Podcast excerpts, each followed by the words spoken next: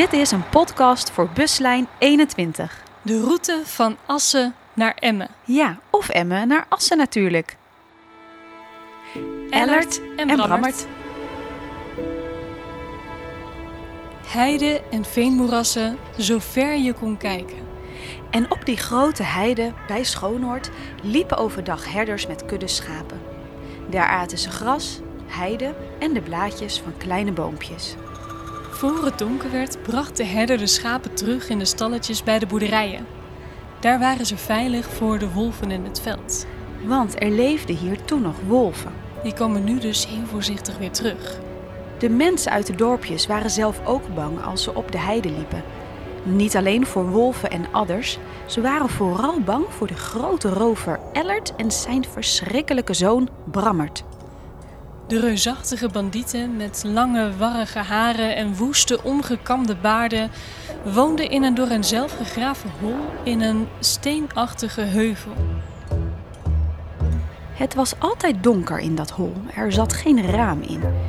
In een hoek van het hol lag een hoop oud stro.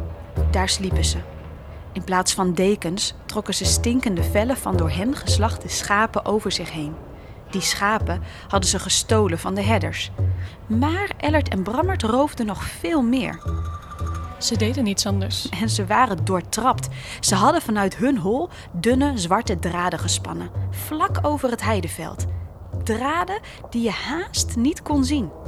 De draden zaten in het hol vast aan een schapenbel. En als iemand die over de hei liep met zijn voet tegen zo'n draad trapte, dan klingelde de schapenbel in het hol. Als Ellert en Brammert de bel hoorden rinkelen, dan holden zij naar de wandelaar toe en beroofden hem van alles wat hij bij zich had. Zelfs de kleren werden van het lijf getrokken. Als de arme wandelaar naakt kon wegrennen, dan had hij nog geluk gehad. Want de rovers hadden al veel mensen doodgeslagen met hun knuppels en bijlen. De reuzen Ellert en Brammert maakten soms ruzie met elkaar. Vader Ellet wilde dat zijn zoon voor het eten zorgde en het hol wat opruimde. Maar Brammert had de pest aan dat werk, Daar ben ik te groot voor. zei hij dan. Doe het zelf. Toen bedachten ze een ingenieus plan. Nou, een verschrikkelijk plan. Ze wilden een vrouw in een hol. Een vrouw die alles moest doen wat zij wilde. Ze besloten de eerste, de beste vrouw die op de hei zou komen, bij hen in het hol te halen. Oh, ze konden haast niet wachten tot er eens zou komen. Ze zochten al langs de randen van het grote heideveld. En daar was ze. Nou ja, een vrouw, een meisje nog. Een mooi meisje, Een mooi meisje uit Orvelterveen. Ze heette. Marieke. Ze werd gevangen door de twee bebaarde reuzen. En ze werd de vrouw van allebei. Vanaf dat moment sliep Marieke de ene nacht in het stro bij Ellert en de andere nacht onder de schapenvellen bij Brammert. En bovendien moest ze hard werken. Poetsen, Vegen, konijnen slachten, koken ratten wegjagen. en nog veel meer. Marieke kreeg slaag als ze niet deed wat de wrede mannen bedachten. Zeven lange jaren waren al voorbij gegaan sinds Marieke door de reuzen was meegenomen. Maar op een zekere dag Het was prachtig zonnig weer. lagen Ellert en Brammert voor het hol een vat gestolen jenever op te drinken. Ze kregen ruzie omdat ze allebei het laatste restje drank voor zichzelf wilden. Toen rinkelde de schaapsbel. In de richting van Borger was iemand tegen de draad gelopen. Brammert wilde er niet heen Hij was een beetje dronken. en wilde bij Marieke blijven. Daarom pakte vader Ellert zijn knots en vertrok om te roven.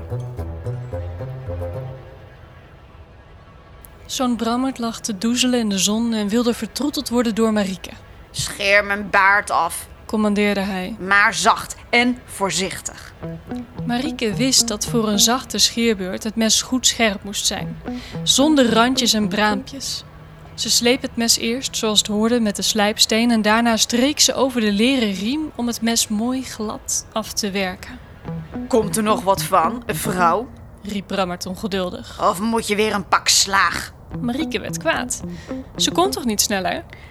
Terwijl zij met de scheerkwast en warm water het gezicht van de reus inzeepte, viel deze in slaap. Zo dronken was hij.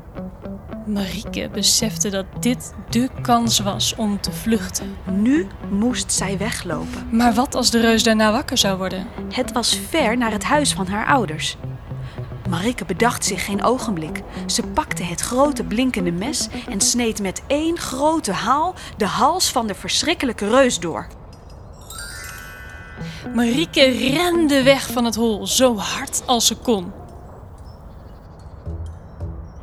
Toen de reus Ellert even later met zijn buit terugkwam bij het hol, zag hij zijn zoon Brammert liggen. Dood. In een plas bloed. Hij begreep meteen wat er was gebeurd en zag in de verte Marieke wegrennen. Marieke raakte buiten adem. Ze durfde niet om te kijken.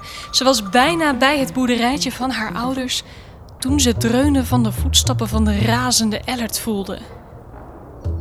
In haar haren blies de hete, hijgende adem van de reus. Ze voelde de kracht uit haar benen vloeien, maar struikelend kon ze nog net de grote achterdeur van de boerderij bereiken.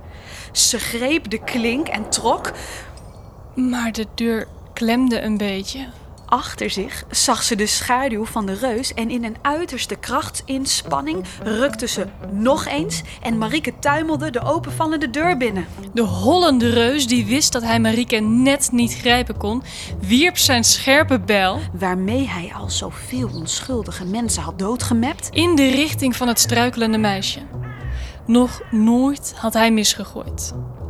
Maar doordat Marieke half was gevallen, zuiste de bijl rakelings boven haar hoofd langs en bleef trillend in het hout van de deur steken.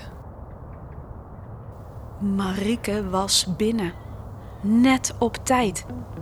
Snel schoof ze de grendels op de deur. De huizen van Orvolterveen schudden op hun grondvesten en de mensen sidderden van angst. Maar de wilde achtervolging had te veel gevergd van de oude reus. Hij zakte jankend in elkaar en stierf voor de deur waarachter zijn geliefde Marike was verdwenen. Vanaf die dag heette de grote hei Ellertsveld. Iedereen kon er weer veilig overheen lopen. Er gingen zelfs mensen wonen. Ze hebben akkers gemaakt van de heide. Anderen kwamen uit alle streken van het land om te helpen het Oranjekanaal te graven. Veel van deze mensen zijn hier blijven wonen in nieuwe dorpen. Uit archeologisch bodemonderzoek in 1911 bleek dat Orvelterveen inderdaad een dorp is geweest. Het lag tussen Orvelte en de Kiel en bij de opgravingen werden meerdere leme dorsvloeren van oude boerenhoeven gevonden. Maar van Ellert en Brammert geen spoor. Benieuwd naar de tijd waarin Ellert en Brammert leefden? Bezoek dan het Openluchtmuseum in Schoonoord. Daar kun je bijvoorbeeld heen met Buslijn 21.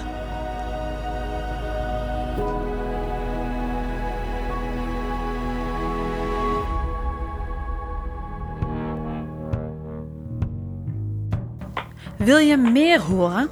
Op Spotify zijn alle afleveringen van deze buslijn te vinden. Daar vind je ook de verhalen van andere buslijnen, zoals die van buslijn 65. Van Groningen naar Zoutkamp. We maakten dit luisterverhaal in opdracht van Qbus. De verhalen zijn geschreven door Rick Klauke en bewerkt en ingesproken door ons. Theaterdocent Annelieke Knol en radiomaker Marjolein Knol.